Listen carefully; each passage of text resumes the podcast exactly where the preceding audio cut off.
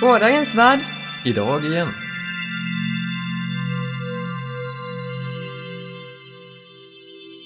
Välkommen till ännu en av våra små kapselsändningar, eller ljudkapslar. Eh, Jag är Ante. Och jag är Åka. Och den här gången så tänkte vi rapportera från världskongressen, World Science Fiction and Fantasy Convention, som var i London. Mm. Och det här var ju ett tag sedan men det passar ju bra in på namnet på, på den här podden. Eh, gårdagens värld idag igen ska ju inte syssla med nyheter. Vi är inte alltför aktuella, nej. Nej. Eh, men eh, det finns väl vissa aspekter av att gå på en världskongress som förhoppningsvis inte är sådär tidsbundna. Jag menar, den har ju ändå redan varit. Så eh, fokus på det här i det här avsnittet är då lite så att säga upplevelsen av att åka på en sån här, ett sånt här evenemang. Så för de som inte brukar åka på det kan man få reda på vad, vad, lite vad det går ut på, hur det känns. Och för de som vet vad det är men inte var där få en liten inblick. Ja. Mm, för vi kommer ju varva vårt prat här med lite reportageklipp ifrån platsen eftersom vi påpassligt nog faktiskt spelade in en hel del när vi var där. Nu så går vi förbi ett par gamla industribyggnader som eh, ser väldigt förfallna ut. Alla rutor är krossade eh, och en är jätte, jättestor och vit och en är lite mindre men fortfarande väldigt stor och brun. Sen står det Millennium Mills. Det känns lite så här postapokalyptiskt intill alla de här stora, häftiga, flashiga, alldeles rena vita grejerna som vi har på den här sidan av, av floden. På andra sidan floden så ligger de här utblåsta industribyggnaderna.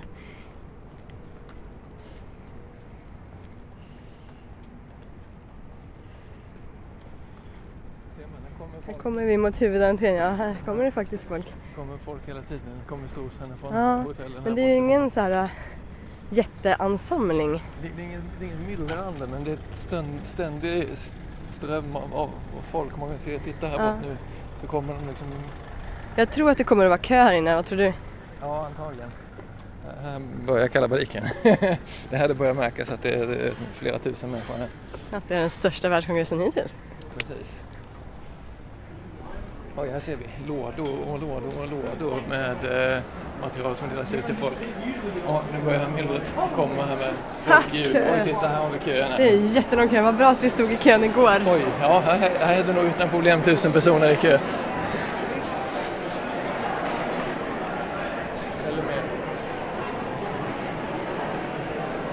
ICC Capital Hall, London Excel, World Science Fiction.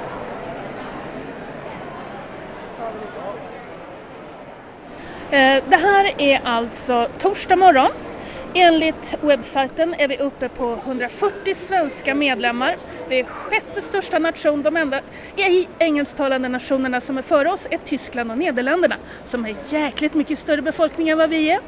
Så det här ser jag fram emot. Det kommer att bli så skoj! Ja, den vi pratade med nu det var Eva Norman som har varit på ett antal världskongresser innan. Och vi har ju varit på några stycken. Ja, vi har varit på Två två. tidigare, närmare bestämt. Mm. Så eh, att komma till den här enorma konferensanläggningen som är stor som ett kvarter. Den var en kilometer lång sa någon. Mhm. Eh, Det gick ju inte att se från ena änden till den andra men, men det kändes, det tog ungefär tio minuter att gå rakt igenom. Ja, och så ligger den i London Docklands med eh, ja, massvis med tjusiga hotell runt omkring och sen lite övergivna byggnader här och där runt omkring. En märklig lokal kändes det som. Och sen i den här jättelika hangaren så började folk myllra det var folk, folk, folk, folk, folk överallt. Ja, i alla fall i den delen, änden som var världskongressen. För det var ju tusentals personer där, men vi tog ju bara upp ena yttersta kanten på hela det här kongresscentret. Ja, faktiskt. där man säkerligen kunde klämt in, ja, ja, många andra saker samtidigt. precis. Men eh, jag tycker ändå det var en väldigt bra, det var ett bra lokal för att det kändes väldigt sammanhållet. Mm. Jo, det är en sak som är häftig, att åka på en science fiction-kongress i, när man åker utomlands i alla fall, det är ofta ett hotell någonstans. Och så finns det en bar där det finns folk som står, står och eh, pratar och så. Och så finns det programrum där folk diskuterar det ena med det tredje. Och så finns det transportsträckor däremellan. Men den här kongressen, trots att den hölls i världens största hangar som man knappt som man kunde tappa bort sig själv i, som det kändes då, Mm. så var den ju väldigt sammanhållen. Det var, en, det var jag kommer inte ihåg, blev det en av de största världskongresser? Det, det är den största någonsin, Ja, både i antalet eh, betalande medlemmar och i antalet faktiska personer på plats. Mm. Vilket för den som för det inte säger någonting så var det 7000? Ja, någonting sånt. Ja, just det. Eh, Och det är ju lite lurigt, hur gör man för att få eh, någon form av arrangemang överhuvudtaget som ska få en sån här känsla av community? Som att inte bli bara myllrande av folk som far runt eller möjligtvis bara massvis med, med, med rum och passager däremellan. Men här hade vi ju den här samlingspunkten och det som kallas för Fan Village. Mm. Som inte funnits i någon världskongress som vi varit på tidigare. Nej, jag tror att det är en helt ny uppfinning. Så vitt jag förstår så är det, eh, och vad heter han? Emily Aro. Emily Aro, att, att det är han eh, som har uppfunnit Mm. eh, det här och i, arrangerat att det blev så. Mm. Och vad det var, man kan ju beskriva det som att eh, det var som att man tog alla, alla sådana här mera sociala grejer och placerade dem i en stor hall. Som är som en gympasal, en större, modell större liksom. Väldigt större. Ja, men, men där finns bar, där finns fik, där finns alla, alla andra kon- kongresser som vill presentera sig eller göra reklam för sig har sina små utrymmen där de kan bjuda in folk och ha soffor eller vad man nu vill ha. Sen fanns det också eh, speltält där folk kunde spela. Det fanns alla möjliga Ja. sådana där gemensamhetsarrangemang. Eh. Ja, och någon form av här informationscentrum, eh, Mhm. operations fanns där också vill jag minnas. Precis. Och så- sen därifrån så gick man direkt ut till trappan upp till programlokaler och därifrån gick man också upp för en trappa upp till utställningar och liknande. Så det var väldigt, allting låg runt omkring det här. Mm. Vilket gjorde att man hade, kunde ha 7000 pers där och alla kändes på något vis som att alla var med, vilket var rätt häftigt. Ja, jag tyckte, jag tyckte också det var bra. Mm. Hmm. Jag tror också att det, det måste vara jätte, jättelurigt att komma på en sån här jättestor kongress om man är helt ny i Fandom. Jag har absolut ingen aning om hur det är, fast eh, vi ska höra lite senare, vi har pratat med några som, som var på sin första världskongress. Men, ehm, eh, ja. Stort. Stort. Eh, och Mycket stort. ehm, Och då tyckte jag min första världskongress jag var på i Glasgow 2005. fem.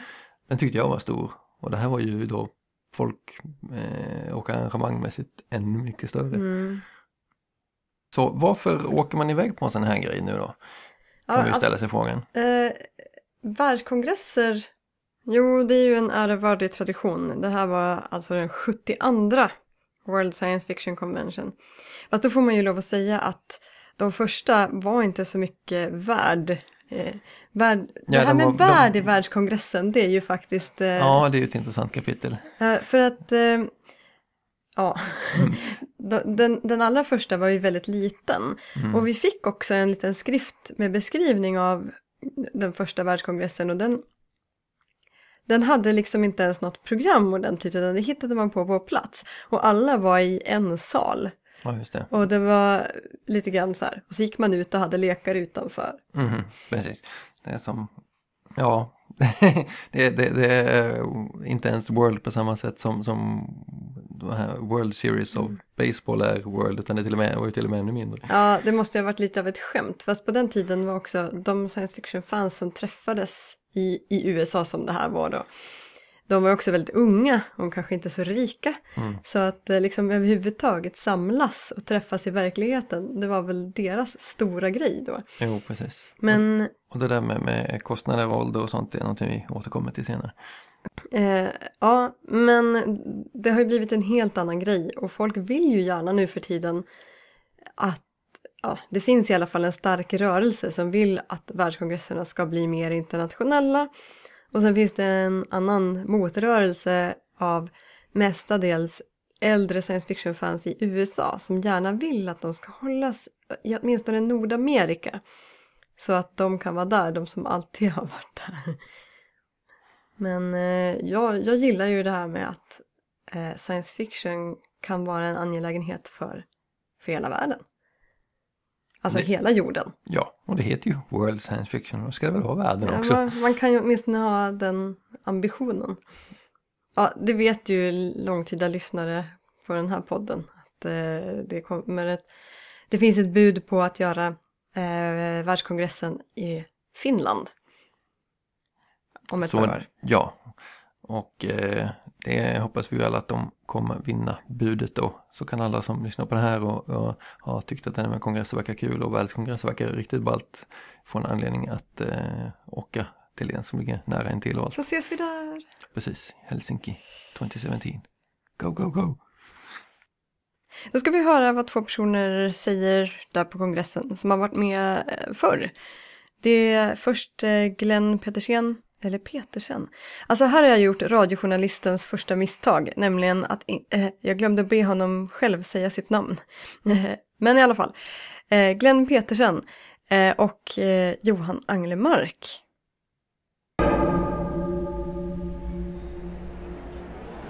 Ja, det är jättekul. Klart att man ska vara på en Worldcon när den är i eh, Europa. Har du varit på fler?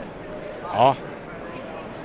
Jag har ju varit på eh, de flesta som har varit i Europa. Jag tror jag har missat en eh,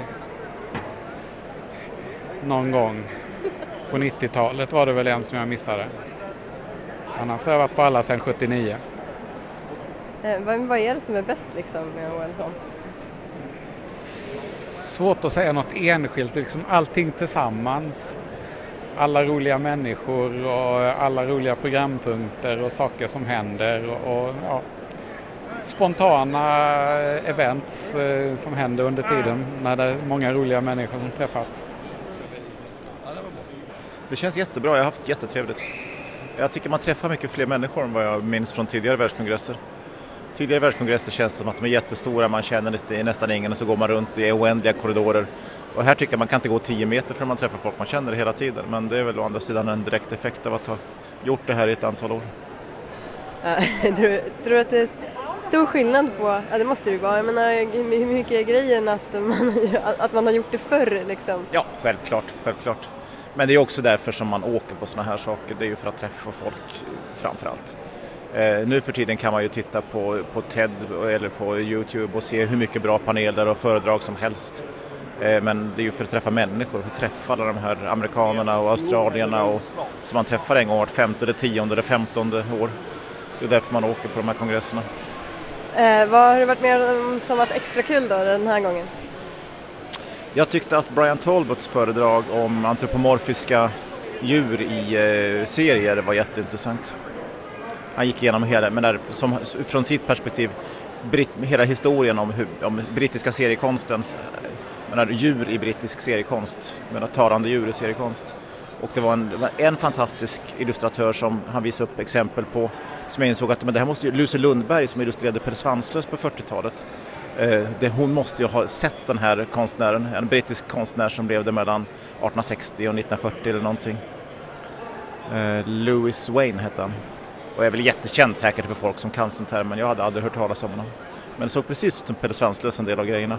Och han hade gjort fantastiska illustrationer sen när han hamnade på mentalsjukhus sista tiden av sitt år. Så här, psykedeliska katter som, som såg ut som att de var tecknade på 60-talet. Det, ja, det var nog höjdaren idag i alla fall. Vad ska du göra nu? Nu ska jag gå och prata med finnar och dricka öl. Ja, det var ju två eh, Worldcon-besökare vi sprang på i eh, Fan Village som hade varit på åtskilliga kongresser. Eh, och eh, Och som vi känner ifrån en massa science fiction-kongresser i Sverige såklart. För att Mm. här i Sverige är ju den här världen inte jättestor. man skulle till och med kunna säga liten. Eh, men eh, Och ändå vet jag inte riktigt vad Glenn egentligen heter i efternamn. Nej, det är ju fascinerande. Men man kanske kan säga att på sätt och vis var, var de, här två personerna ganska typiska för många av dem som besöker ett sånt här evenemang. Det är ju folk som har, kommit inte en, en bit i livet, blivit lite etablerade i karriären, har en stadig inkomst och, och eh, kan åka på en världskongress för ärligt talat, det är ju inte jättelätt att åka på en världskongress om man är 17 år och har ont om pengar. Nej, alltså jämfört med en, en professionell kongress eller konferens så är det ju jättebilligt. Men skillnaden är ju att här måste man betala ur egen ficka. Mm. Eh, och om man inte har ett jobb som betalar för sig. Jag menar inom akademin, där är det ju alltid så att i betalar jobbet så, så åker man på konferens. Mm. Men här måste man betala själv och det, det kan bli ganska, kosta, det kostar en del. Mm. Ja, vad, vad, vad, det kan ju kosta, ja, vad, vad är det det kostar nu för tiden sådana här evenemang? 150-180 dollar tror jag brukar sluta på va? Ja, det beror lite grann på hur tidigt man betalar, hur mycket det kostar. Ja, precis. Men, men det kostar en hel del och sen måste man ju ha resan dit beroende på hur långt bort det är. Mhm. Och så boendet. Boendet och mat och sen finns det ju alla möjliga sorters eh, möjligheter att eh, lägga ut pengar på saker på plats också. Mm. Oh ja, oh ja. Även Eh, om vi egentligen mest tittade på prylar. Ja, ja. det blev väl en del konsumerat men ja. Eh, jo, men, men jag tyckte ändå att det kändes som att man eh, såg både eh, så att säga, unga och gamla på det här evenemanget även om man kanske inte kan säga att det var jättespännvidd och lika mycket av alla åldersgrupper och sådär. Nej, det är många som tar med sig sina barn. Så eh, lite småbarn såg man ju, alltså lite yngre barn. Eh, som följde med sina föräldrar. Jo, det var faktiskt en sak som var lite kul med Fanville. så Man kunde, att det var ju ett rätt bra ställe för barn att hänga på också. Det var mycket folk, det var lätt att se var de var någonstans. Och, Ja, och efter ett tag kom det upp skyltar där det stod att man inte fick eh, lämna små barn under, under sig och så ålder utan att de visste var deras föräldrar var någonstans. Kanske på av anledning. Förmodligen. Ja, men ehm, ja, man kan ju se det som att det, det finns ett litet problem i kanske blandningen av folk. Men när man väl kommer dit tror jag att man känner att jag, jag tror att nästan alla skulle kunna känna sig välkomna där. Och det var väl därför lite grann jag också efteråt kände att jag blev lite beklämd av en del diskussioner som förekom online om det här med ja, det var speciellt en debattartikel, eller det var en artikel som kom som orsakade debatt ska jag kanske säga, som jämförde Worldcon med en, en annan eh, ett, ett konvent kan man säga som heter Nine Worlds som var precis eh, någon helg innan bara. Och där det var mycket, mycket fler yngre personer. Så, men hur man uppfattade det där, det tror jag måste bero väldigt mycket på var man kommer från innan. För jag tycker verkligen att eh, känslan på den här Worldconen var väldigt så, välkomnande och trevlig. Och eh, ja, Jo, det var ju inga liksom eh, saker som, som skedde under tiden man var där som på något vis vi, visa, ställde till det eller på något vis. Så jag, jag tror att det måste bero på vad man har för förväntningar innan Mm. och hur man, liksom, var man kommer ifrån och vad man önskar sig. Men jag tror att det finns en fälla här också att man tror att automatiskt är allting bättre ju yngre personer man har med. Klart, jag vill ju jä- jättegärna att unga personer och nytillkomna ska känna sig välkomna. Det är ju en sån sak som ligger mig jättevarmt om hjärtat. Eh, men eh, det är också viktigt att personer som är lite äldre också får ha sina intressen. Mm, jo, Och jag tycker precis. det är en jätteskön grej på de här kongresserna att det finns människor som har hängt med så himla länge och fortfarande har det som sin, sin grej. Mm. Man, man kan ju kontinuiteten med, med vad som hänt förut eh, samtidigt som att det kan komma nya människor och upptäcka Mm. det och då kan man känna ja men titta min hobby har nytt blod och ja. Ja, och, men det gäller ju då att de som kommer nya inte automatiskt tycker att det är någonting dåligt med att det finns människor som har varit med jättelänge. För det, att det finns ju en risk där också att man tycker att "Ö, alla har varit med i 30 år och jag känner mig utanför. mm, Därför det att- måste vara lite givande och tagande från bägge håll antagligen. För, för att det är ju alltid så när man kommer till ett nytt sammanhang och inte känner folk. Då känns det som att alla andra känner varandra och alla andra är bästa kompisar utom jag. Mm, Ja, Så, så är det ju that. ja men eller hur, så är det alltid i vartenda nytt sammanhang. Precis. Men, haha. Jag får se precis någon gång. ja, det får du. Men eh, jag, jag tycker att det var så roligt, vi kan väl berätta om den här snubben som vi träffade. Eh, i, I The Fan Village, vi satte oss ner för att käka vid ett bord. Ja, precis. Och eh, där var det en amerikansk fan som, Han var jätterolig. Eh, han, det var hur naturligt som helst att börja prata med honom, vi har aldrig sett honom förut. Han var, men han var jätterolig, han berättade massor av skojiga grejer. Han var också den här typen som, som tycker om att berätta om skojiga grejer och inte bryr sig så jättemycket om kontext tror jag. Ja, han satte jo. bara igång direkt och pratade om Robert Anton Wilson och Illuminatus. ja precis. Ehm, och som- sina äventyr i Tjeckoslovakien och Ja, just det. Han hade tydligen någon gång varit på en eh, större kongress, kanske en Eurocon, i eh, Nederländerna, eller hur? Någonstans i Europa hade han varit på en kongress och så hade han eh, upptäckt att det var fans från Östeuropa på kvällen så gick de och la sig eh, för att gå upp på morgonen och gå på programpunkter. Och så gjorde man inte Eller- i, det Amerika han kom från. Nej, så att han, han introducerade konceptet room party. Man kan träffas, Och, öl, prata. Uh, ja, och så berättade han om en massa eh, ja, andra lustiga saker som har hänt i Chicago och, och allt möjligt. Alltså, och, och det där är ju, som Johan i klippet här tidigare nämnde, de här spontana mötena som är väldigt roliga och speciellt då om man kan hitta en sån här person som undrar, jaha, har ni varit här förut? Låt mig, låt, låt mig berätta lite roliga saker jag har varit med om. Ja. mm, eh, nej, så det, det var ju verkligen skitskoj. Och så träffade vi på riktigt gamla kompisar också. Gammal festivalkompis till mig från Hultsfredsfestivalen eh, som bor i Kalifornien. Som det var ett tag sedan du sprang på ja. Ja, som vi också träffade på sista dagen. Ja, just det. Det stämmer ja. Vilket ju var ja, oväntade möten kan man lugnt säga. Men eh, Ja, ska vi ta och eh, promenera upp från den här trappan, upp från Fan Village upp in i utställnings och butiksområdet då kanske, se vad det finns att titta på och eh, handla. Ja, det gör vi. Ja, det här är Utställnings... utställningshallen här där det finns eh, konstutställning och eh, hucksters, de som säljer saker av olika slag. Och här ser vi alltså massvis med personer. Vi har på en vägg här, det är massvis med essayförfattare eh, som finns här med lite små biografier.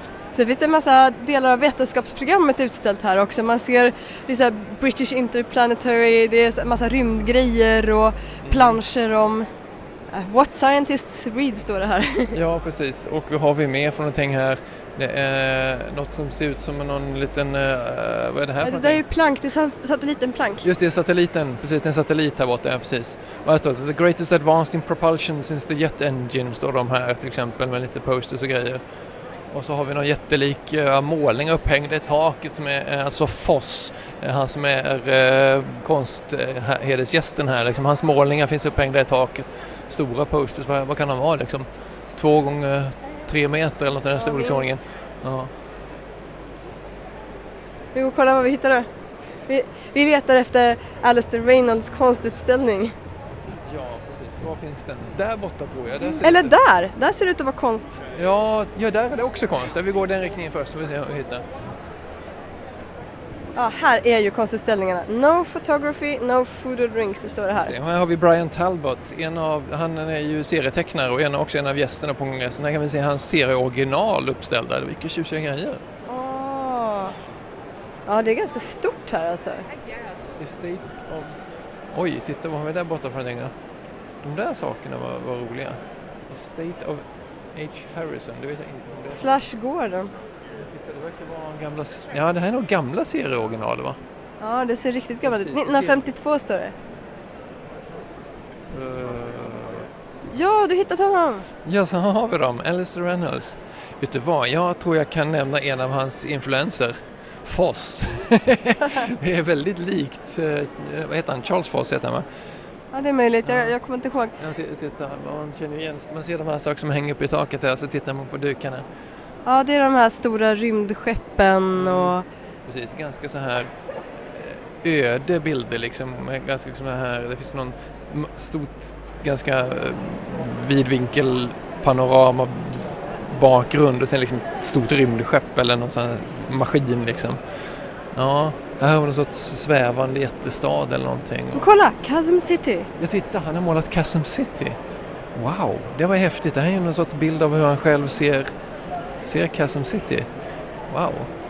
Den var ju rätt snygg också. Vackra färger, de här lila röda tonerna. Ja, precis. Det är alltså akryl på canvas som han jobbar med.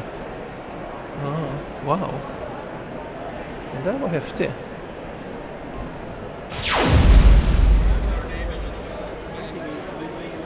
Vad har du hittat? The Crook Factory med, uh, av uh, Dan Simmons. Den står precis bredvid A Winter Haunting. Det här är väl, jag ska misstänka, första utgåvan i hardcover. Eh, A Winter Haunting är, så vitt jag vet, än så länge, jag har inte läst alla hans böcker, men av de böcker av Dan Simmons jag läst är det hans, det är hans bästa bok. Den är, den är fullkomligt lysande. Den bästa eh, spökhushistoria jag någonsin läst. Den är, den är lysande, fullkomligt lysande. Så eh, den här då, Crook Factory, blir jag förstås naturligtvis nyfiken på.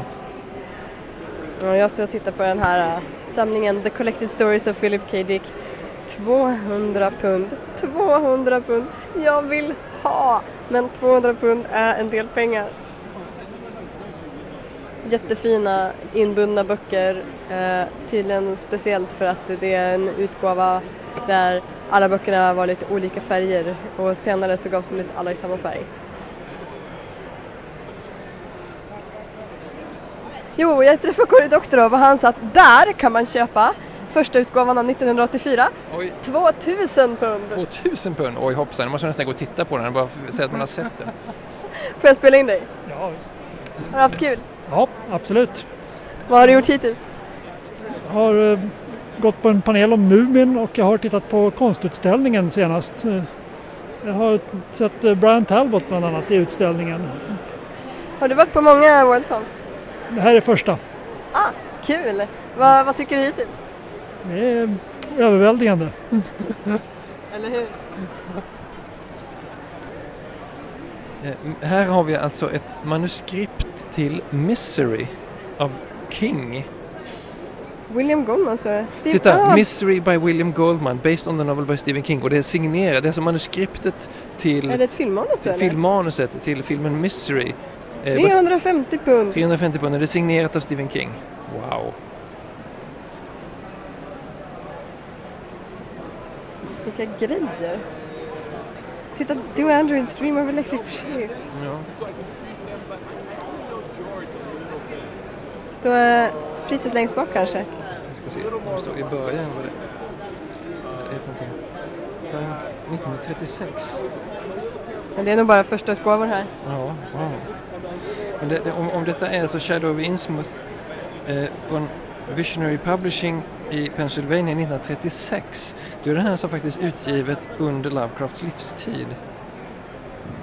Undrar om det här är en bok som är precis så sällsynt som jag tror att den är. Det är det säkert. Jag vet inte om det står någon pris. Nej, jag tror inte det här är en, en sån volym som man skriver pris i, för det ska man inte skriva i. Wow, att den ens ligger framme så man kan ta i den. Hoppsan. Jag orkar inte gå på program hela tiden. Jag måste göra, göra någonting annat. eh, Springa omkring och titta på folk och sådär också. Just det, nu ska vi se. Through a Hollywood Adaption Darkly. Det handlar om Philip K. Dicks filmadaptioner. Åh, det är jättecoolt! Precis, den tänkte jag faktiskt gå och titta på. Capital Suite 8, den ska jag nog faktiskt ta, ta med väg till. Vi går dit och kollar ifall det går att komma in. Ja. Så kan det Så kan det vara. Så kan det vara. Så kan det, det gav förhoppningsvis en liten känsla av hur det är att se det här utställningsområdet. Eh, och alla dessa märkliga ting man kan hitta det är lite grann som att gå på museum tycker jag, fast man får pilla på alla sakerna och man kan köpa med sig dem hem. Ja, och jag, jag menar, om man är intresserad av böcker som vi är, så det här är ju ett sånt tillfälle då folk som, som säljer rara ting vet att här kommer folk som är intresserade av just det här och dessutom är här för att kanske jaga fatt på den här speciella saken som man kan hitta Shadow of Winsmith till exempel, vilket ju, ja, wow. Sen så um, finns det ju andra grejer också. Det är ju massa lustiga små grejer. Både stort och litet och allmänt och blandat. Mm. Det blev ju en hel del eh, Philip K. Dick Pocket köpta kan jag ju säga för Ja, min del. men inte alla jättedyra. Du köpte inte de där dyraste böckerna. Nej, nej, jag köpte inga eh, dyra, men jag köpte Mm. ju, jag köpte ju ett tjog av dem. Kan vara bra att ha. Ja, Men eh, jag tyckte också det var fint att vi sprang på Rasmus Kaj heter han som vi pratade med där. Som var på sin första världskongress. det stämmer ja. Och så där var det ju hela tiden. Eh, att vi hittade folk att prata med också. Mhm. Och det kan ju vara sånt som gör också, ja, som jag antydde där, att jag orkar inte gå på programpunkter hela tiden. Det är ganska bra att det kan hända lite emellan också. Mhm. För springen på programpunkter, det är ju rätt mycket det man gör kanske de första eh, världskongresser man är på. För det finns så fenomenalt mycket grejer att titta på och lyssna på och sådär. Mm. Och jag gör det fortfarande. Ja, ja. Jag menar, en del människor gör ju det hela livet. Det finns en del människor som säger att de växer ur det där. Att de gör det i början och sen struntar de i programmet och bara umgås med folk när de har varit med ett tag. Men, Mm. men andra gillar ju alltid program, så det måste ju vara en personlig sak. Jo, och det, det är ju det att en världskongress samlar ju så väldigt många eh, regissörer eh, eh i vissa fall eh, och eh, producenter av film och sådana grejer, även ifall det är vanligare i, i, i kongresser som handlar specifikt om sånt. Men vad det är, framförallt samlar är ju författare och förläggare och sånt folk som jag vill, vill träffa och, och se och eh, höra vad de har att säga om det ena med det tredje. Författare, förläggare och kritiker, Och kritiker. läsare. Mhm. Eh, för jag tycker faktiskt läsare och kritiker också är, kan vara jätteintressanta att, eh, att höra på. Det är inte, Ja, ja, oh ja. inte bara de som producerar litteraturen som, som förstår sig på den. Men väldigt, väldigt mycket smarta människor som säger smarta grejer om, om litteratur. Eh, och om roliga grejer runt omkring. Jag var på till exempel på eh, något föredrag eh, om eh, eh, kläder i science fiction. Mm. Och sen så var jag på eh, en panel som diskuterade eh, vetenskap och journalistik. Där det var forskare och eh, vetenskapsskribenter som egentligen diskuterade med varann. Vad händer när folk från de olika världarna möts? Mm. Så, eh, och så finns det ju ett stort vetenskapsspår. Liksom, spår. Mm. Jo, det ska man säga. Vetenskapsfolk av olika slag brukar ju dyka upp en hel del av. Mm. Och vad är det mer då? Um, ja, costuming en hel del brukar vara, men även om den delen, vad jag har förstått, nu har inte jag varit på så många, men så vitt jag har förstått så har hela costuming-grejen minskat en del eftersom de som håller på mest med sånt har knoppat av sina egna evenemang lite mer. Och att det finns mer för dem också så att de behöver inte gå på Worldcon utan den är li- lite mer nischad på. Mm. Men, men det är ju intressant det här att det finns ändå så väldigt mycket olika saker att syssla med. De, Spel och spel, filk. spel och filk. Eh, det fanns ju flera rum där folk satt och, och, eh, och eh, filkade, det vill säga eh, Alltså man sjunger, det är som, Precis. som, som folkmusik eh, för science fiction fandom. Ja, precis. Eh, och eh, spel som du sa, eh, tidigare Worldcon jag har varit på så har det alltid funnits något litet spelprogram där det funnits folk, de har, tagit- det finns alltid lite brädspel och, och grejer som finns i ett rum någonstans. Men här var det ju verkligen mitt i Fan Village, stort tält, massvis med grejer. Steve Jackson, designern av eh, Munchkin, synnerligen populärt och eh, välsäljande mm, eh, kortspel man, kunde man plötsligt promenera förbi i, i Fan Village.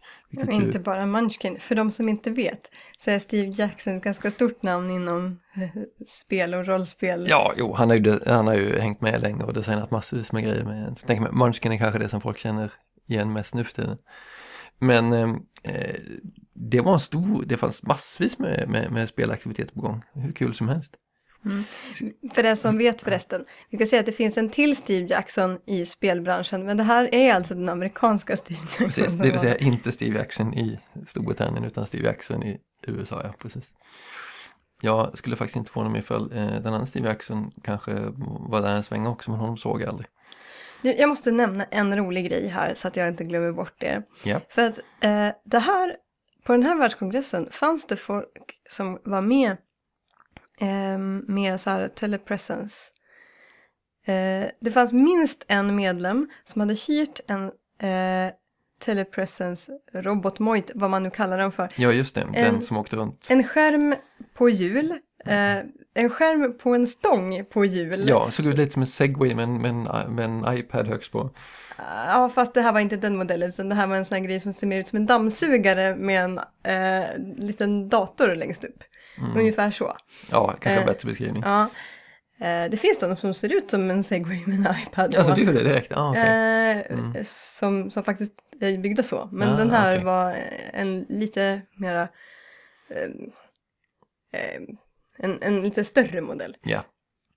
Och eh, vi, vi stötte på den flera gånger, fast det var en gång som han faktiskt tilltalade oss och frågade om vägen till en sal. För att tydligen var sikten inte, man kunde inte se så bra på långt håll i mm. den där. Den ja, hade inte så bra kamera så han kunde inte riktigt se vad det stod ovanför dörrarna på programrummen. Så den här tekniken har ju helt klart lite grann att utvecklas. Men, men vilken grej!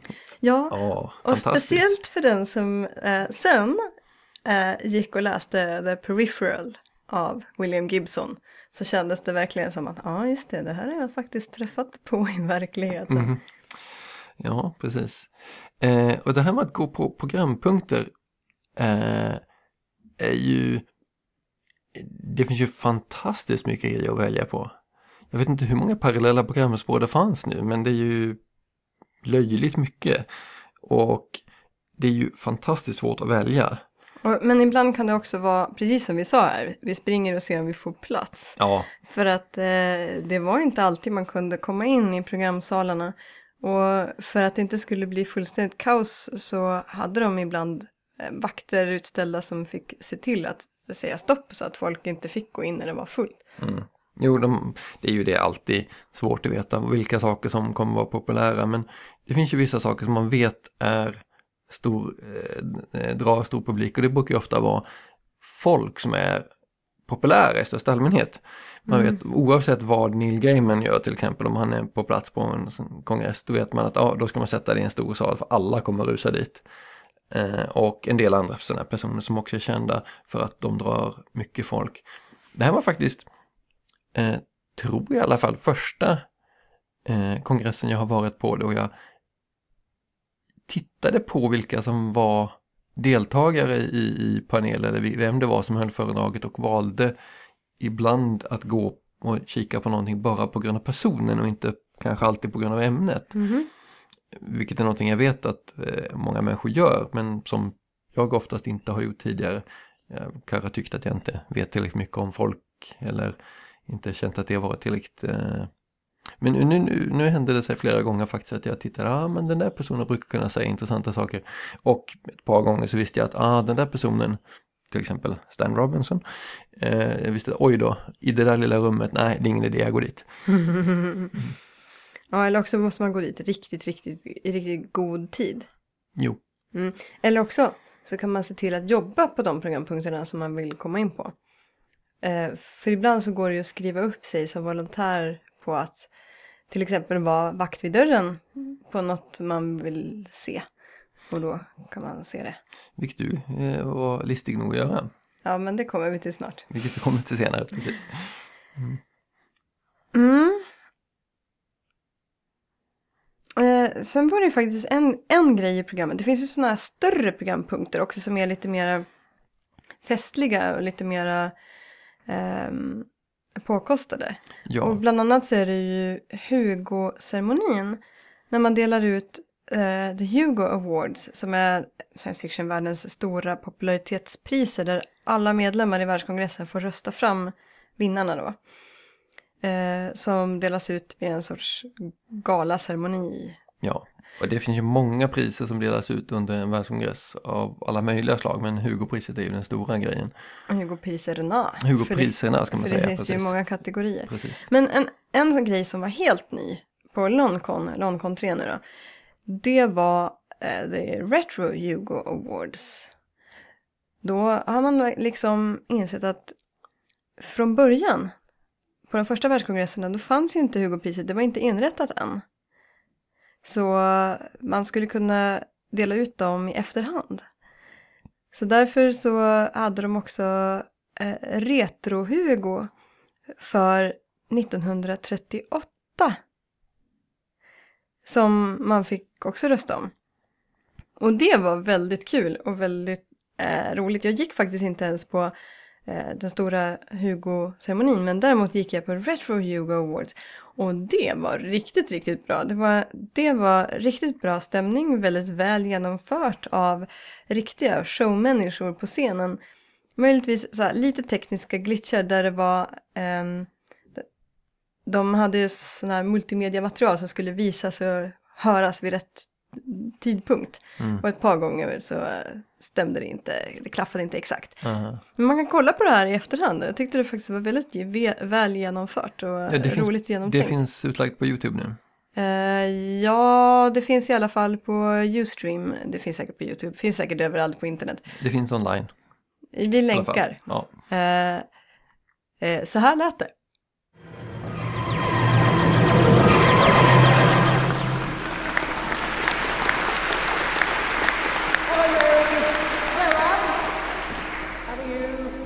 So this is 1949. That would be why we're in front of a live audience. Yes. The, the, the thing about that, it wasn't my fault, Mary. Uh, there were these strange atmospheric disturbances. You know, there was these sort of strange sort of shooting stars over Surrey, and it was quite, quite beautiful. And look, the thing is, it doesn't really matter. Did I get to miss the bit where I'm supposed to sing? Yes. Then everybody's happy.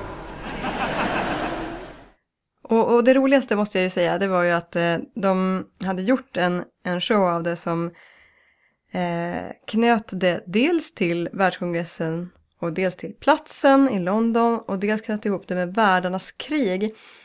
Eh, och så hade de en grej, om ni kommer ihåg från, i världarnas krig av eh, H.G. Wells så eh, föll ju marsianska invasionen på att de smittades av jordiska baciller. Ja, de blev, var det, var det till och med eh, explicit att de blev förkylda? Ja, Jag kommer inte ihåg om det var det, men Ja. eh, någonting, någon smitta från jorden som de inte tålde. Mm. Och eh, det finns ju på kongresser en, eh, en term för den här smittan som man får när man är bland alla människor på en kongress. Just det. Det kallas för concrud som man eh, får då. Mm. Så att den genomgående, alltså den klämmen, slutklämmen eller den stora poängen här är ju att eh, concrud besegrar utomjordingar. Nu har jag spoilat hela grejen men det är ändå inte samma sak om man inte var där. Nej, precis. Så är det. Eh, jag var ju inte där på det evenemanget men har faktiskt eh, kikat på de här sakerna som finns online. Så Ja, och nu kan vi höra lite grann. Vi gick ju sen och frågade en person som vi vet är bra på gamla grejer. Som vi hittade i The Fan Village efteråt. Nämligen ingen mindre än Martin Andersson. Välkänd Lovecraft-expert. Vill du säga någonting? Vad tyckte du om ceremonin? Den var häftig, den var väldigt rolig, väldigt underhållande och eh, Eh, vad tyckte du? Har du några kommentarer om eh, vinnarna eller framförandet eller någonting? vinnarna var, var välförtjänta. Det var inte kanske exakt de jag hade röstat på eh, i, i alla fall men, eh, men välförtjänta. Något exempel? Jag hade ju hoppats på Robert E. Howard med Pigeons from Hell, hans definitivt bästa skräcknovell. Men jag kan ju förstå att, det, att ja, Campbell vann i, i den kategorin också. So I'm just starting our orientation. Um, what I was telling them was for for Mr. Martin, um, we're not sure what to expect. We could have a small group or we could have a huge group. I personally think we're going to have a heart, huge group, um, and as long as the techies are okay with it, um, as soon as a line forms, we're going to open the doors and let them come in. Um, so the only special seating we're going to have for Mr. Martin is um, going to be the access seating for people with either wheelchair and or uh, hearing and visual impairment.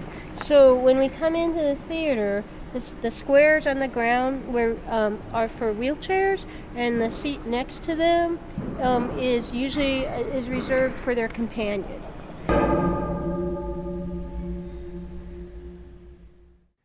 Ja, det här som vi hörde nu det är introduktionen till ett arbetspass som, eh, som jag hade på fredag morgonen eh, på kongressen. För att jag brukar ju oftast på kongresser skriva upp mig på åtminstone ett par arbetspass.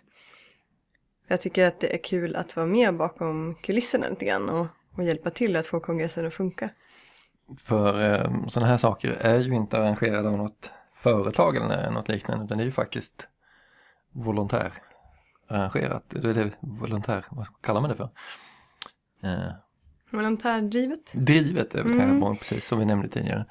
Men eh, det, vi, vi diskuterade också någon gång du och jag och kom inte riktigt fram till hur det var tror jag. Men att det här nog är en av de största arrangemangen som faktiskt eh, arrangeras och eh, eh, helt ideellt. Mm. Eh, och bara vilar på volontärer. Det är liksom ingen som får betalt. Vilket är lite speciellt.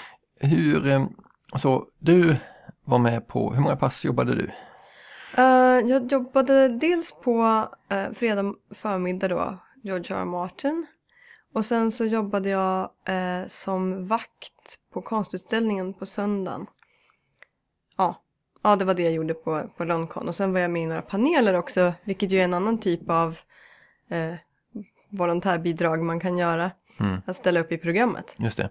Eh, de här stora kongresserna, som världskongress och liknande, jag har ju inte varit med och, och jobbat på dem på något eh, eh, alls. Eh, bland annat för att det händer så väldigt mycket som jag hela tiden känner, men jag måste titta på det här och det här och det här. Men eh, som eh, du har sagt så är det kanske det här att om det är någonting man verkligen vill Mm. se eller vara med på så kanske det bästa sättet egentligen är att se till att jobba det passet istället. Ja, det kan ju vara lite svårt att passa in det för att grejen är att om man till exempel vill se en viss panel så är det ju inte säkert att man kan jobba i den salen där den panelen hålls. Det är ju inte alls säkert. Men en del större programpunkter. Till exempel så vet jag ju, ja, som jag sa innan, att eh, maskeradtävlingen eh, den, är, den är jättepopulär och då brukar det vara många som skriver upp sig direkt på att, att jobba på den. För då vet man, då kan man vara nästan säker på att man kommer kunna få se den. Eh, medan om man står i kö utanför så kanske man hamnar längst bak och inte ser någonting. Eller så. Så eh, det kan ju vara sådana aspekter på det också. Men som sagt, jag tycker det är jättekul att, att liksom känna att jag är en del av att få saker att hända. Och jag orkar ändå inte, på en fyra dagars kongress som det här är, orkar inte jag gå på programmet hela tiden. För jag kan inte ta in så mycket information heller. Eh, jag kommer ihåg faktiskt eh, världskongressen i Glasgow 2005. Då, Mm. då var jag ju totalt slut i huvudet efteråt och bara två dagar efteråt så mindes jag inte hälften av sakerna jag hade, sett och tittat och lyssnat på bara för att hjärnan tog inte in mig helt enkelt. Mm. Den här gången förde jag ganska noggranna anteckningar på, eh, på allting jag gjorde. Så att jag ska kunna liksom spåra tillbaka eh, var jag hade varit vid vilken tidpunkt. Mm. Jag vet inte riktigt om jag har någon nytta av det, men Nej, jag, det, var, det det var lite mer ambitiöst än jag. Jag skrev ju upp saker som folk sa som jag tyckte var värda att följa upp på kanske. Att då Mm. har, har du lagt märke till att det här och det här hände i den romanen eller har ni tänkt på att eh, egentligen så finns det det här temat och bla bla eller när man skriver så är det ofta värt att mm, tänka på ja och så vidare. Så hade du en lista på böcker som du skulle kolla upp, eller hur? Bland annat så fick jag då ut av det en lista av böcker jag skulle kolla upp eller bara författare som jag insåg, vänta Mm. lite nu den här, hon säger smarta saker och hon verkar gilla Mm. saker jag gillar. Jag ska, läsa, jag ska nog läsa vad hon skriver. Mm. Mm. Men en, en annan aspekt av det här med att eh, jobba på kongress. Eh, det brukar ju folk säga att det är ett bra sätt att lära känna människor. Men Just det, det måste jag säga att det tycker jag är svårt. Mm, Okej. jag, jag har faktiskt aldrig lärt känna någon för att jag har jobbat eh, på kongressen. Däremot har jag träffat på folk, eh, kanske, som jag har träffat lite ytligt innan så kan man prata mer med dem. Och sen är det ju också så att de jag har jobbat med, de känner jag igen sen så det kan bli lättare att heja på dem. Mm. Just. Men eh, just det där med att få kompisar på kongressen, det, det är svårt tycker jag. Mm. Är, det, är det lättare kanske om man, eh, om man gör det flera gånger i rad och kanske om man är med i förarbetet innan kongressen kanske? Ja, ja, då, då Mm. lär man ju känna folk, absolut. Men, eh, men, men annars, som sagt, så tycker jag att det är nog svårt. Men mm, det, det är lättare att om man går på flera olika kongresser och stöter på samma människor. Så då får man ju tänka lite mer långsiktigt. Men om man bara är på en kongress, då är det där med att eh, lära känna folk för att man jobbar med dem, det är nog lite överskattat. I alla fall på sådana här stora. Kan tänka mig ja. Men eh, en annan aspekt på att jobba på kongress, det är ju som är lite mindre positiv. Det är det här med att eh, det är ju de gångerna när jag har blivit medveten om vad det finns för kaos bakom, bakom kulisserna. Ja. Eh, därför att det märker jag ju aldrig annars som bara deltagare. Så brukar jag nästan aldrig märka att eh, det är saker som inte funkar. Nu, nu på Loncon, de har ju byggt upp det också på ett sätt som är ganska eh, arbetskrävande. För att det behövs mycket folk som, de räknar helt enkelt med att det må- måste finnas folk som vaktar olika dörrar och sånt där. Och då går det åt jättemycket frivilliga. Mm. Förmodligen så skulle jag gissa att det kanske går att effektivisera det lite grann. Att man liksom tänker lite smart så att man inte behöver så mycket folk. Eh, Men är det medvetet tror du att, eh, att man har gjort det på det viset? Jag tror att det är så att det är inte någon som kan ha ett helhetsgrepp på en sån här grej. Och alla vill ha medhjälpare, så skriver de upp att de behöver medhjälpare. Ja. Eh, då blir det på det viset. Det, det är min tolkning. Jag vet inte om det är rätt eller fel. Mm, skulle kunna vara. Mm. Mm. Men du eh, gjorde lite andra grejer medan jag jobbade och sen sammanstrålade vi efter ett tag på eftermiddagen och snackade och det, det snacket bandade vi också så vi tar och lyssnar på det nu. Det gör vi. Ja, så då var det fredag eftermiddag. Eh, jag har ägnat hela förmiddagen åt att eh, springa runt på programpunkter om eh, eh litteratursaker. Och eh, ja, men titta, här var det folk man känner igen också. Det, det är lustigt, här är 5000 personer eller något i den storleksordningen. Och eh, man tycker att det är helt osannolikt att man ska springa på en och samma person två gånger. Men det lustiga är att man springer på samma svenska flera gånger. Det är nästan lite komiskt. Eh, ja, som sagt, jag har tillbringat förmiddagen med eh, litterära saker i huvudsak. Eh, och börjar känna mig ganska mör i huvudet ärligt talat. Är det dags för kaffe nu då? Ja, nu är det definitivt dags för kaffe här. Så eh, vad har du gjort idag? Du eh, var involverad här som volontär på någonting. Vad var det? Ja, jag jobbade ju när eh, George R. Martin skulle ha sin högläsning. Så jobbade jag med att visa folk till sina platser och så för de var rädda för att det skulle bli eh, total anstormning. Eh, nu kom det ju inte eh, kanske riktigt så mycket folk som de hade trott men de trängde ihop sig längst fram, alla som kom. Ja, det var lite intressant att höra. Jag är ju ingen stor eh, George R. R. Martin-läsare kan man inte säga. Jag vet inte så mycket om vad han gör så att det var lite kul att höra. Han berättade att han har en, en bok som är på väg ut. Eh, nu minns jag inte titeln men det är typ en coffee table book, alltså med konstverk. Ja, han sa att det var många konstnärer från Sverige. Det, är ganska, det var lite intressant. Ja, men det, det är en bok om, om Västerås alltså? Eh, Ja, precis. Eh, Och eh, en konstbok om det då. Så en massa or- originaltext. Han sa han hade skrivit eh, 30 000 ord av marginaltext. Jaha. Eller hur många ord det nu var, ganska mycket. Bland annat så har han skrivit en sån här fiktiv historia.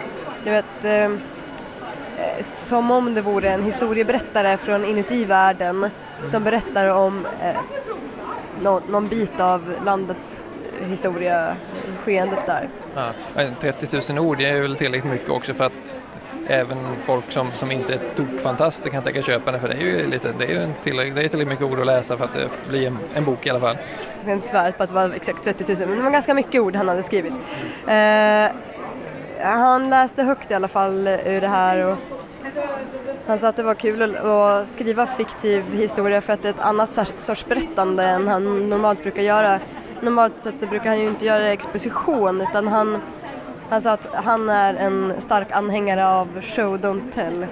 Eh, men det här är ju bara tell. Eh, när man skriver en sån fiktiv historia. Det här hände, sen hände det här, sen hände det här. Ja, just det. Eh, ja, men, så det var en, lite, lite kul att höra på den stilen och så. Men det slår mig alltså hur, Uh, hur relativt ointresserad jag är att höra om våldsamma sammandrabbningar faktiskt. jag känner mig, den, den, typen av, den typen av heroiska berättelser som jag inte, ja det är inte speciellt heroiskt alla gånger heller. Jag känner mig svårflörtad där. Ja, ja jo jag tyckte ju eh, Martin var en ganska intressant författare tills han började skriva eh, om Västerås. Alltså, han sa ju det under frågestunden att eh, han eh, är intresserad av att skriva SF. Han har flera SF-böcker han skulle vilja skriva. Men han måste först eh, skriva klart det här han håller på nu för annars kommer han att strypa honom snart. Ja, antagligen ja. Ja, ja jag hoppas att han blir färdig med skiten snart.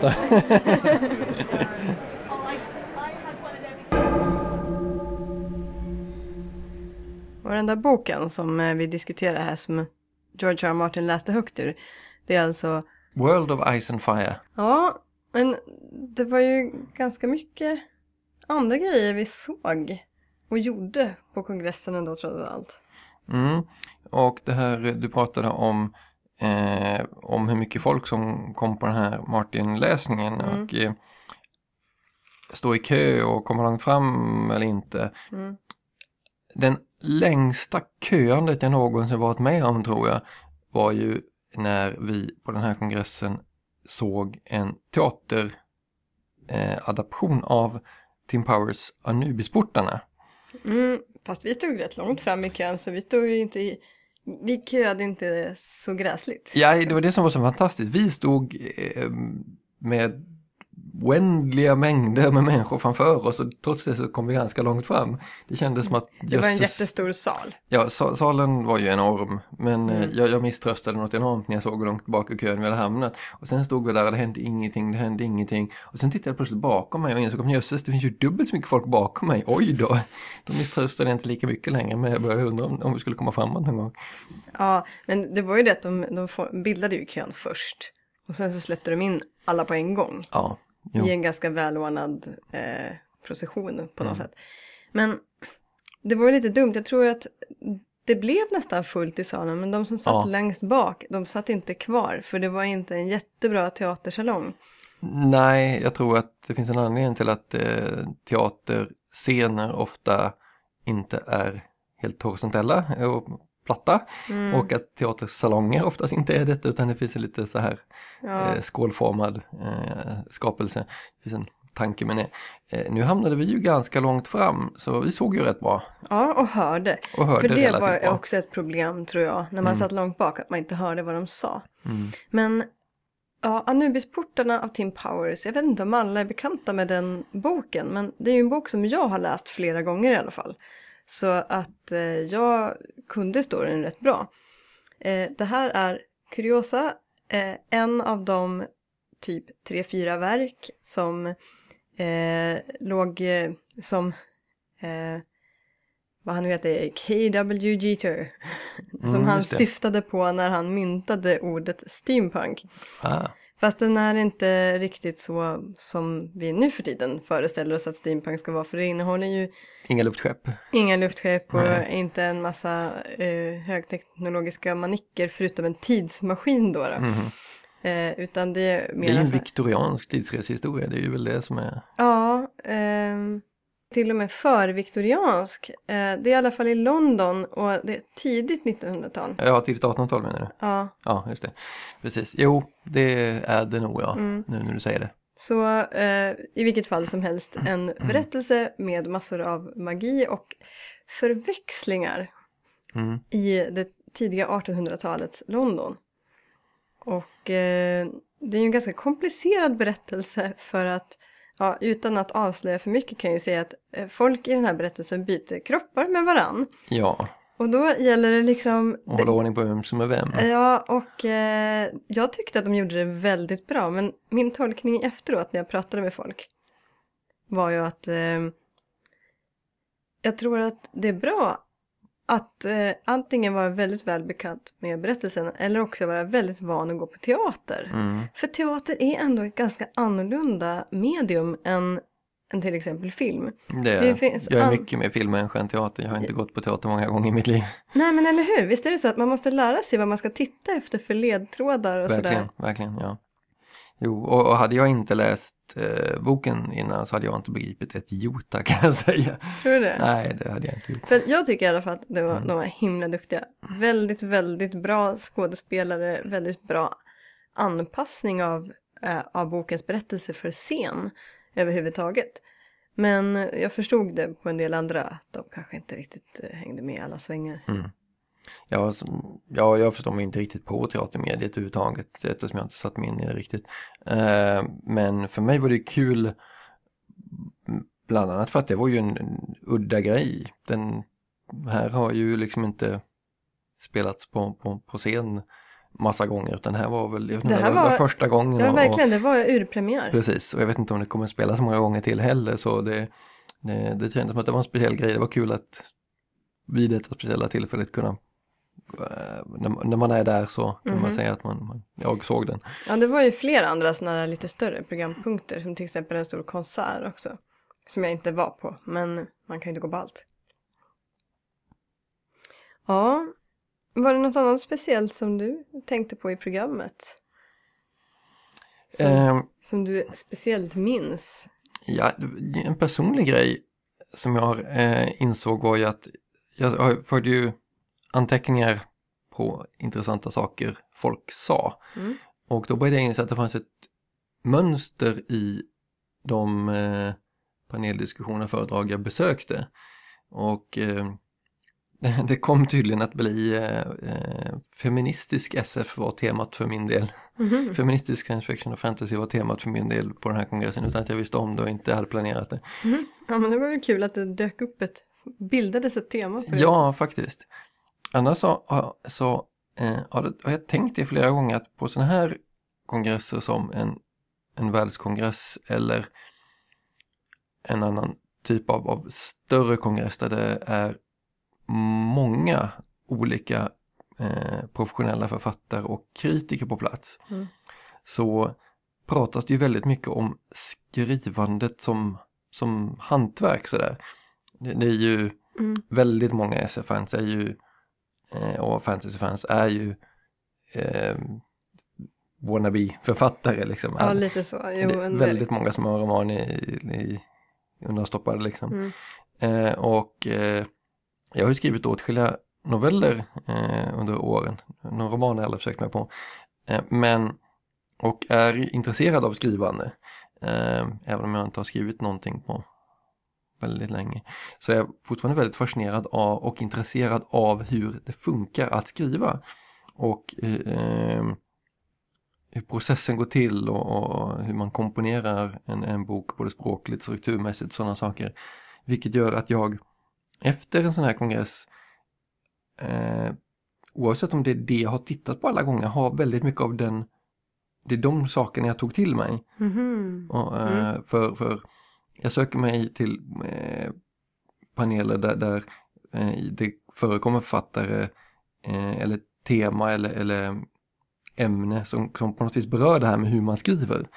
Och sen när jag kommer tillbaka från kongressen så läser jag annorlunda för jag har plötsligt jag läser som en skrivare istället som en läsare liksom. Ja, men visst är det så. Men jag, jag tror att det där, eh, även, även den som inte även den som inte bygger saker själv kan ju vara intresserad av hur de faktiskt funkar. Mhm. Och det är ju samma sak med böcker. Det är ju jätteintressant att förstå hur de faktiskt funkar. Även som läsare. Jo, jo, jo. Eh, Men annars tror jag också att en sak som verkligen, verkligen händer på SF-kongresser och som en av de bästa grejerna det är att folk blir så inspirerade till alla möjliga grejer. Mm. Det är att folk får så många idéer. mm. Jo, det är inte bara att man vill gå hem och skriva en roman utan man går hem och, och gör en kongress eller eh, gör... eh, Starta en podd. starta en podd, ja, gör massa sådana grejer. Det, det, det blir en kreativ vitamininjektion på något vis på, Mhm. på ens läsande och skapande av något slag. Ja, precis. Man kanske börjar, ja, det, det, kan, det finns folk som tecknar eller folk som får inspiration till eh, att eh, göra mm, mystiska dräkter och sådär. Så all, all möjlig sorts kreativ inspiration som man kan få. Mhm. Jo, dräkter ja, oh ja. Eh, det är ju, det kan ju nämnas att förutom den här maskeraden som vi har nämnt ett par gånger så förekommer det ju folk överallt där man går som är eh, utklädda i någon form. Ja, fast, Inte, i stor ut, inte lika stor utsträckning som det, det som eh, folk föreställer sig i, i, i, i DN Nej. kanske. Men, eh, Åh. men jag kan tänka mig om man är allra minsta intresserad av sånt så finns det nog gott om möjlighet att bli inspirerad till det också. Absolut, fast det här kanske vi ska ta upp den där konflikten som finns ibland. Som jag tycker är extremt olycklig. Eh, det finns folk som är lite snobbiga och lite snorkiga. Eh, som eh, inte gillar när folk klär ut sig. Mm. Och det där tycker jag är fruktansvärt irriterande. Därför att det är ju ett jätteintressant kreativt uttryck. Samtidigt som jag förstår verkligen var det kommer ifrån därför att så fort det kommer några journalister till en kongress, Mm. ja då hittar de den enda personen i, inom synhåll som råkar vara utklädd och se lite lustig ut och så Ja. fotar de den Precis. och så är det representanten för hela Jo, för det är ju det de förväntar sig att se där, så då är det det de ser naturligtvis. Ja, men det här är alltså ett problem som inte är nytt heller, utan det hänger Oh, med sedan 50-talet Ja, oh, åtminstone. Eh, så att, eh, eh, vilket har gjort att en del blir lite anti. Mm. Alltså, särskilt om, ja, det finns ju hela den här konflikten när man försöker försvara sina egna, ja, kulturområden eller sitt eget uttryck. Eh, och då finns det ju de som har velat försvara science fiction genom att hävda att science fiction är väldigt seriöst Mm. och väldigt, en, en viktig del, borde vara viktigt för samhällsdebatten och så vidare. Och så vill man trycka på den här eh, intellektuella sidan. Mm. Som också är värd jättemycket såklart. Men om man vill framhäva den, då kanske man inte tycker så mycket om att det är bara de lite mer lättsamma sidorna som får ta utrymme när folk pratar om det. Jo, Och, och så känner man sig lite besmittad av det och så, och så blir det dålig stämning. precis. Vilket ju egentligen då inte egentligen är de personer som tycker om att klä ut sig fel, utan det är ju snarast just att, ja, bilden i media och sånt är ju egentligen det som Ja, precis. Jag tycker att det där är extremt olyckligt att, att det överhuvudtaget uppstår en sån konflikt, även om jag... Det är helt begripligt hur det kommer sig att det har blivit så. Eh, nu för tiden, jag tror att det har blivit bättre. Faktiskt, just därför att eh, science fiction är liksom accepterat i tillvaron. Det är inte någonting som man skrattar åt att någon är intresserad av science fiction. Nej, precis. Det är ju inte det längre. Och därför så, så har folk kunnat sänka garden ganska mycket. Mm, mm. Och det är inte samma grej längre. Precis, jag tror det, även om det har hållit på sedan 50-talet, tror jag det faktiskt är på väg att bli ett övergående problem. Till slut. Vi får väl hoppas det. Ja, jag tycker det är jättekult när folk eh, skapar häftiga kläder.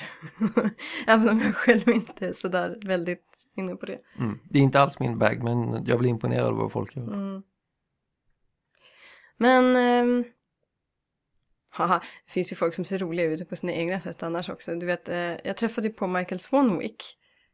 Det här var ganska roligt. Mm. Det här är sånt som kan hända om man hänger med i science fiction fandom under lång tid. Och speciellt om man går på små SF-kongresser som i Sverige. Då blir man ganska bekant med hedersgästerna. Mm, Så då vågar man prata med dem sen. Ja, precis, Eh, precis. och just för att Michael Swanwick, han var hedersgäst i Uppsala 1999, så det är jättelänge sedan. Det är en stund sedan ja, Mm. precis. Och eh, det lustiga är då pratade jag ju jättemycket med, med honom. Ja, men han kommer ju såklart inte ihåg mig.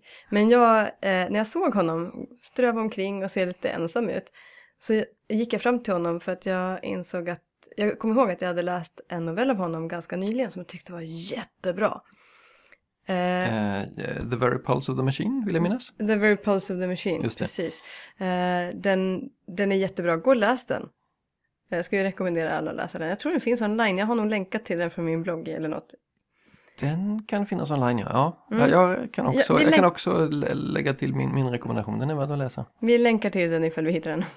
Men eh, det som är roligt med Michael Swanwick, förutom att han skriver en massa bra grejer, det är att han, han har eh, sin speciella, vad ska man säga, man känner igen honom på hans örhängen. Mm, han har alltid coola örhängen och den här gången hade han en ha- hajtand i örat. Jaha. Jag tyckte det var lite coolt. Mhm. Eh, men det var så roligt också att han gick omkring där och såg lite ensam ut att jag vågade gå fram till honom och säga du jag har läst den här novellen och den var så jättebra och han blev jätteglad. Mm. Och eh, eh, förklarade för mig hela bakgrunden till den berättelsen. Ja. Som var att eh, det var någon redaktör som hade pratat, jag tror, eller en kollega eller så, som hade pratat om hur mycket material det finns som är bara fritt tillgängligt som inspiration för SF-författare. Om man bara tittar på vad rymdforskningen eh, har eh, rotat upp Mm. om vårt solsystem. Mm. Så bestämde han sig för att sätta sig in i det. Så han satte sig och läste på en massa. Och sen så skrev Tills han hittade någon som man kunde skriva någonting Ja, precis. Ja. Till, tills han hittade en idé. Mhm. Mm. Så Jo. det är coolt. Det är så. Jo.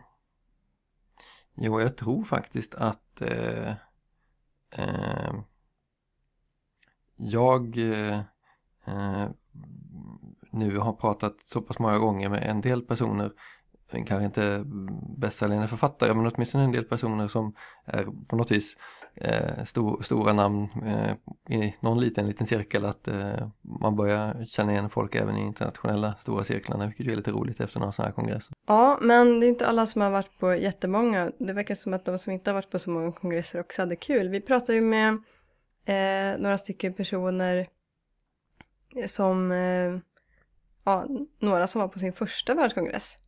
Eh, nu ska vi lyssna på Fia och Marie som, eh, som har varit på en panel där det diskuterades hur ungdomslitteratur funkar och varf- vad man måste göra med föräldrarna. För att man ska lyckas skapa en bra young adult story så behöver man Oh my god! Få undan föräldrarna! Ja, precis, Ja. precis. Och På för något att, sätt. Ja, precis. Och för att man då ska liksom växa som person eller som ungdom så måste man ju få utmaningar och ja, men rädda världen. Eh, och eh, då måste ju de vuxna tillåta dem att göra det och det är ju damn irresponsible av dem liksom. Så att eh, då, det bästa eh, mot föräldrarna är ju att de får dö helt enkelt. Tyckte de. It's the most, eh, eh, vad ska man säga, barmhärtiga saken liksom. Eh, nu, eh, det var väl det roligaste. Sen kommer jag inte ihåg så mycket mer. Eh, vad mer ska man säga? De häcklade Mary Poppins rätt mycket. Ja. Eh, och jag eh, har inte sett filmen, men det vågade jag inte erkänna för de bad alla som har sett, eh, eh, inte har sett filmen att lämna rummet. och det vågade inte jag säga. Men eh, för sen tog de en exempel på att där är ju föräldrarna hyfsat frånvarande. Eh, när liksom är Mary Poppins som är den som är med ungarna. Så det går ju att skapa någonting där liksom föräldrarna lever men de är på en boarding school eller de har en nanny eller någonting. Men ja. Det, Ja, det är därför internatskolor är så populära. Ja, för föräldrarna är frånvarande. Ja, det där var alltså Marie Engfors och Sofia Karlsson som hade varit på en intressant panel. Och sen får vi höra, eh, härnäst har vi pratat med Jonathan Olsson som faktiskt var på sin första världskongress. Får vi höra lite av hans intryck. Det är din första Worldcon eller? Ja, det stämmer. Berätta vad du har varit på innan och hur det kom sig att du kom hit. Oj, jag har varit på många olika Svekons och eh, så hörde jag att det var i Europa och då blev jag nyfiken på det. Eh, därför att det verkar vara så otroligt stort och häftigt och mäktigt och det är det verkligen också. Det är så otroligt mycket intressanta paneler och eh, fantastiska artister som är här och många författare och det är ja, jättehäftigt. Har du några höjdpunkter som... Eh, oj, höjdpunkter. Eh, jag vet inte. Många intressanta paneler framförallt. Fantasy medievalism bland annat. Varför är fantasy ofta, eller high fantasy ofta satt i en eh, medeltida värld och ofta europeisk medeltida värld. Och så lite tips på böcker och annat. Ja, ja, många, många häftiga paneler. Jag, tänkte, jag, vet, jag kan inte nämna. Så det har varit väldigt många bra. Men det är programmet som är det bästa hittills? Ja, det är det. Och sen många trevliga författare. Författare är inte så läskiga att träffa personligen som det kan tänkas. Ja, eh, jag, jag tycker det är kul med entusiasmen. Ja, visst är det. Det är svårt att inte bli entusiastisk av allt det här. Mm. Men alltså det här snacket om barn i barnböcker, det, det får mig att tänka på de barnen som var på kongressen. Och det knyter ju an lite grann till det där vi sa om vilka det är som, som går på en världskongress. Och hur man tänker om det. Och jag, jag tänker faktiskt att det är ju... ehm, ja, vi kan ta med det där med barnen först. Vi, Mm. vi har vi ju... har inte barn med oss den här gången. Nej, vi hade ju inte med oss några barn den här gången. Men vi har varit på kongress med barn. Precis, världskongress också faktiskt. Mm. Eh, men det blir ju lite knasigt. Alltså, en sån liten en kan man ju släppa runt ganska mycket. Mm. Men barn som blir lite större, ja det är lite svårare för de tycker inte att det är så himla kul. Nej, de behöver underhållas och inte med att sitta still på en stol och höra folk orera långa, långa stunder. Nej, nej, så det där är lite svårt. Så det har blivit så att vi har turats om då att vara barnvakt. Jo, och det har ju på vissa, vissa kongresser, när de blir över en viss volym sådär så börjar man ju tänka på sådana saker som att man faktiskt har ett aktivt program för ja, ungdomar som är lite äldre som men kanske Mm. är där med sina föräldrar. Där brukar det finnas någon form av, av sån här young adult track med, med eh, speciellt program för, Mhm, dem. Absolut, och det finns typ på världskongresserna. Mm. Men de som är ännu mindre än så, de behöver typ barnpassning. Precis, och det har funnits lekrum och såna här grejer på en del kongresser jag har varit Ja. men eh, det är ju ändå så att man blir fast där en stund med barnen i alla fall. Ja, och någon måste ta hand om och eh, man kan inte lämna en typ treåring ensam på ett hotellrum så det måste ändå vara en av föräldrarna som går och lägger sig tidigt. Mm, Det är ju det ja. Ja. Så det blir lite halvt att ha med barn på kongress. Jo. Sen, sen finns det vissa barn som tycker att det är roligt att följa med sina föräldrar på kongress.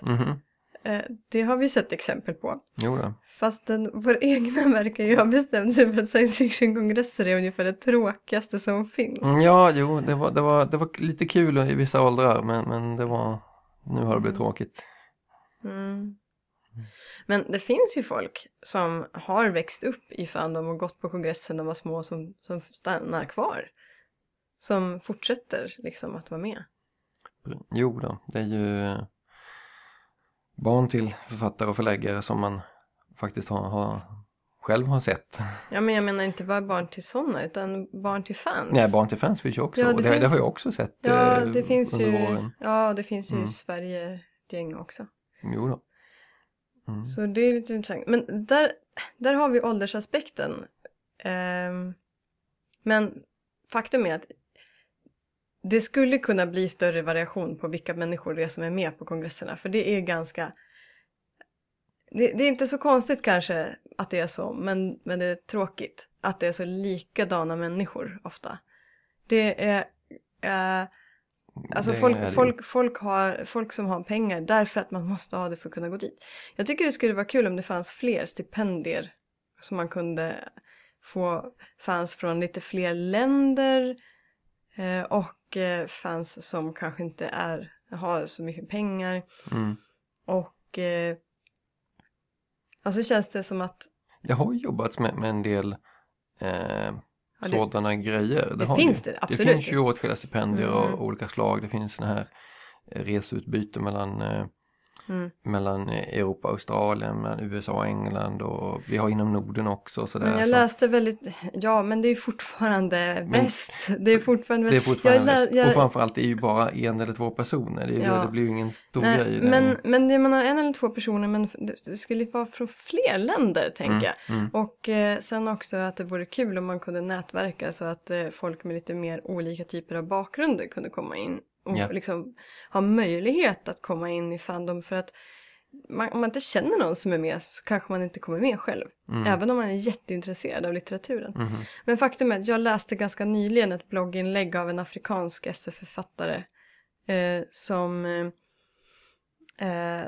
ja, som var lite dyster över det faktum att eh, hon, hon tjänar inte så mycket pengar eh, där hon bor så att hon kan åka på kongress och träffa sina vänner Mm. eh, på, på stora kongresser i andra länder. Mhm. Det, är, det är helt enkelt svårt om, om eh, eh, liksom löneläget och valutan och alltihopa är helt annorlunda i ens eget land. Jo.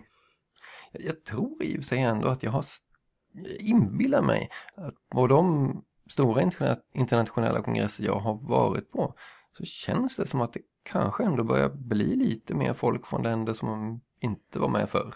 Ja, och, men jag tror också att det här är någonting som väldigt många börjar bli medvetna om. Mm. Men jag, jag tror att det kommer ta jättelång tid att luckra upp Worldcon så att det blir en Det kommer. World. Oh ja, oh ja, jo. Eh. Vi hade ju det här eh, budet på att hålla eh, världskongressen 2016 i Kina Ja, men eh, som väl kanske var lite mer liksom en test för att se hur det skulle och hur, hur, hur Ja. folk tog, tog Mm. emot idén och sådär. jag tycker Men- det är jättekul att de, att de lägger ett bud, att de faktiskt försöker. Mm. Men tycker- det måste ju hända förr eller senare. Ja, förr eller senare, absolut. De får bara öva ett tag liksom Mm. och bara hänga, hänga kvar liksom. Så, så hoppas jag att jag får åka på en världskongress i Kina. någon gång. Ja, precis. Jo, entusiasm hade de ju. Mm. Och kontakter har de ju skaffat sig nu så Mm. det blir, det blir någonting. Ja, vi börjar väl ha sagt det mesta nu om den här kongressen. Ska vi, ska vi runda av det lite? Mm, det är väl dags för det. Söndag morgon. Var befinner vi oss nu i sakernas tillstånd? Ja, börjar man känna sig väldigt så här invand att ja, man stiger upp, käkar rejäl frukost med eh, bönor och fläsk och korvar och grejer och sen efter det så promenerar man iväg och så, sen är det liksom tog fokus på någonting i några timmar innan man trycker i sig någon lite dålig, dålig mat som lunch så tog fokus igen. Det känns som att man börjar komma in i rytmen nu. Det känns som att nu har man gjort det här hur länge som helst men man börjar också bli lite trött. Lite full i huvudet känner jag. Så där lät du på väg till kongressens sista dag. Ja, och efter eh, hotellfrukost så blev det tokfokus i några timmar innan eh, det var dags för oss att bege oss iväg till vårt flyg. Ja. Och eh, trötta men eh, nöjda ta sig hem till Sverige och eh, fyllda av, av Mm. inspiration, idéer och, och energi. Ja, en del blir lite så här bluesiga efter kongress. Man känner sig lite trött men samtidigt saknar folk och sådär. Men eh, jag tyckte mest att jag var glad efteråt. Mhm. Och hur var det med Concrud? Mm, Ja, hubba jag. Ja, jag vet inte, för jag var ju förkyld innan vi åkte dit och tänkte, ja men vad bra, jag hinner bli frisk. mhm. Men som man nog hörde här på de här inspelningarna så var jag ganska hes. Jag kommer inte riktigt ihåg exakt hur det var jag, jag, jag mådde efteråt men, men eh, jag vill minnas att jag inte var helt i toppform alltså. Nej, det är sant. Du fick någonting efteråt. Mm, precis. Ja, så kan det gå. Så Men det gå. ehm, Mm. nu längtar vi lite till nästa kongress, eller hur? Ja, precis. Nu har vi pratat om, om, om hur det var på det här. Jag hoppas att för de som inte var där och eh, lyssnade på det här att ni fick någon liten känsla för hur det kan vara att åka på en sån här grej. Fast det här är ju en ovanligt, ovanligt stor eh, kongress av den här typen. Den är inte lika stor som Dragon Con och de där giganto-arrangemangen. Ja, San Diego Comic Con och de Ja, här. Men, nej, men de är ju också lite mer annorlunda. De är lite kommersiella och lite mer festivalartade. Mm. Det här, det är här är ju ändå en slags ja, mötesplats i grund och botten. Ja. Så, men som sagt, det, det förhoppningsvis gav gav en liten smak av hur, hur upplevelsen kan vara. Och har vi nu då lite tur och, och folk eh, samlas kring eh, baneret här så kanske vi får en kongress i Finland 2017 Mm. man kan åka på. Eh, vad har vi annars här? Det kommer lite kongresser i Sverige som man kan eh, åka på. Ja, och i nästan Sverige. Och nästan Sverige också ja. För det är väl det som är nästa stora grej, eh, Archipelagon eh, i Mariehamn, Åland, Mm. eh, 25 till 28 juni. Och eh, där kan man träffa oss till exempel. Vi Ja. kommer vara där. Och massa andra roliga människor. Mm. Men som sagt, Sverige också. Det finns en kongress i Sverige som du tänkte man kunde nämna, årets Vekon. Ja, varje år så hålls det en Svekon, vilket vi nog också nämnt i den här podden förut, som är Sveriges nationella kongress. Mhm. Och i år är Svekon i Linköping i augusti. Och jag vet att det krockar med Medeltidsveckan och jag vet att det krockar med Ja, det krockar nog med typ Nine Worlds eller något sånt där internationellt också. Krockade med världskongressen. Eh, Nej, det gör det inte. 7 till 9 eh, augusti är alltså i Linköping. Så eh, säg hej till oss vet jag. Ja. Om vi ses där. Precis.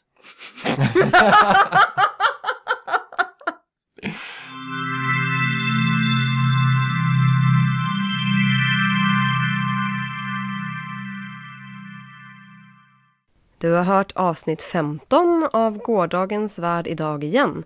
En ljudkapsel av Ante och Åka Davor som fortfarande inte riktigt har kommit över det lustiga i att eh, Ante har en tendens att säga precis. Gå gärna in på det här avsnittets lilla inlägg på bloggen annien.wordpress.com och lämna någon kommentar till oss där. Feedback är vår enda belöning. Och som vanligt så släpps det här avsnittet under Creative Commons-licensen Erkännande icke-kommersiell.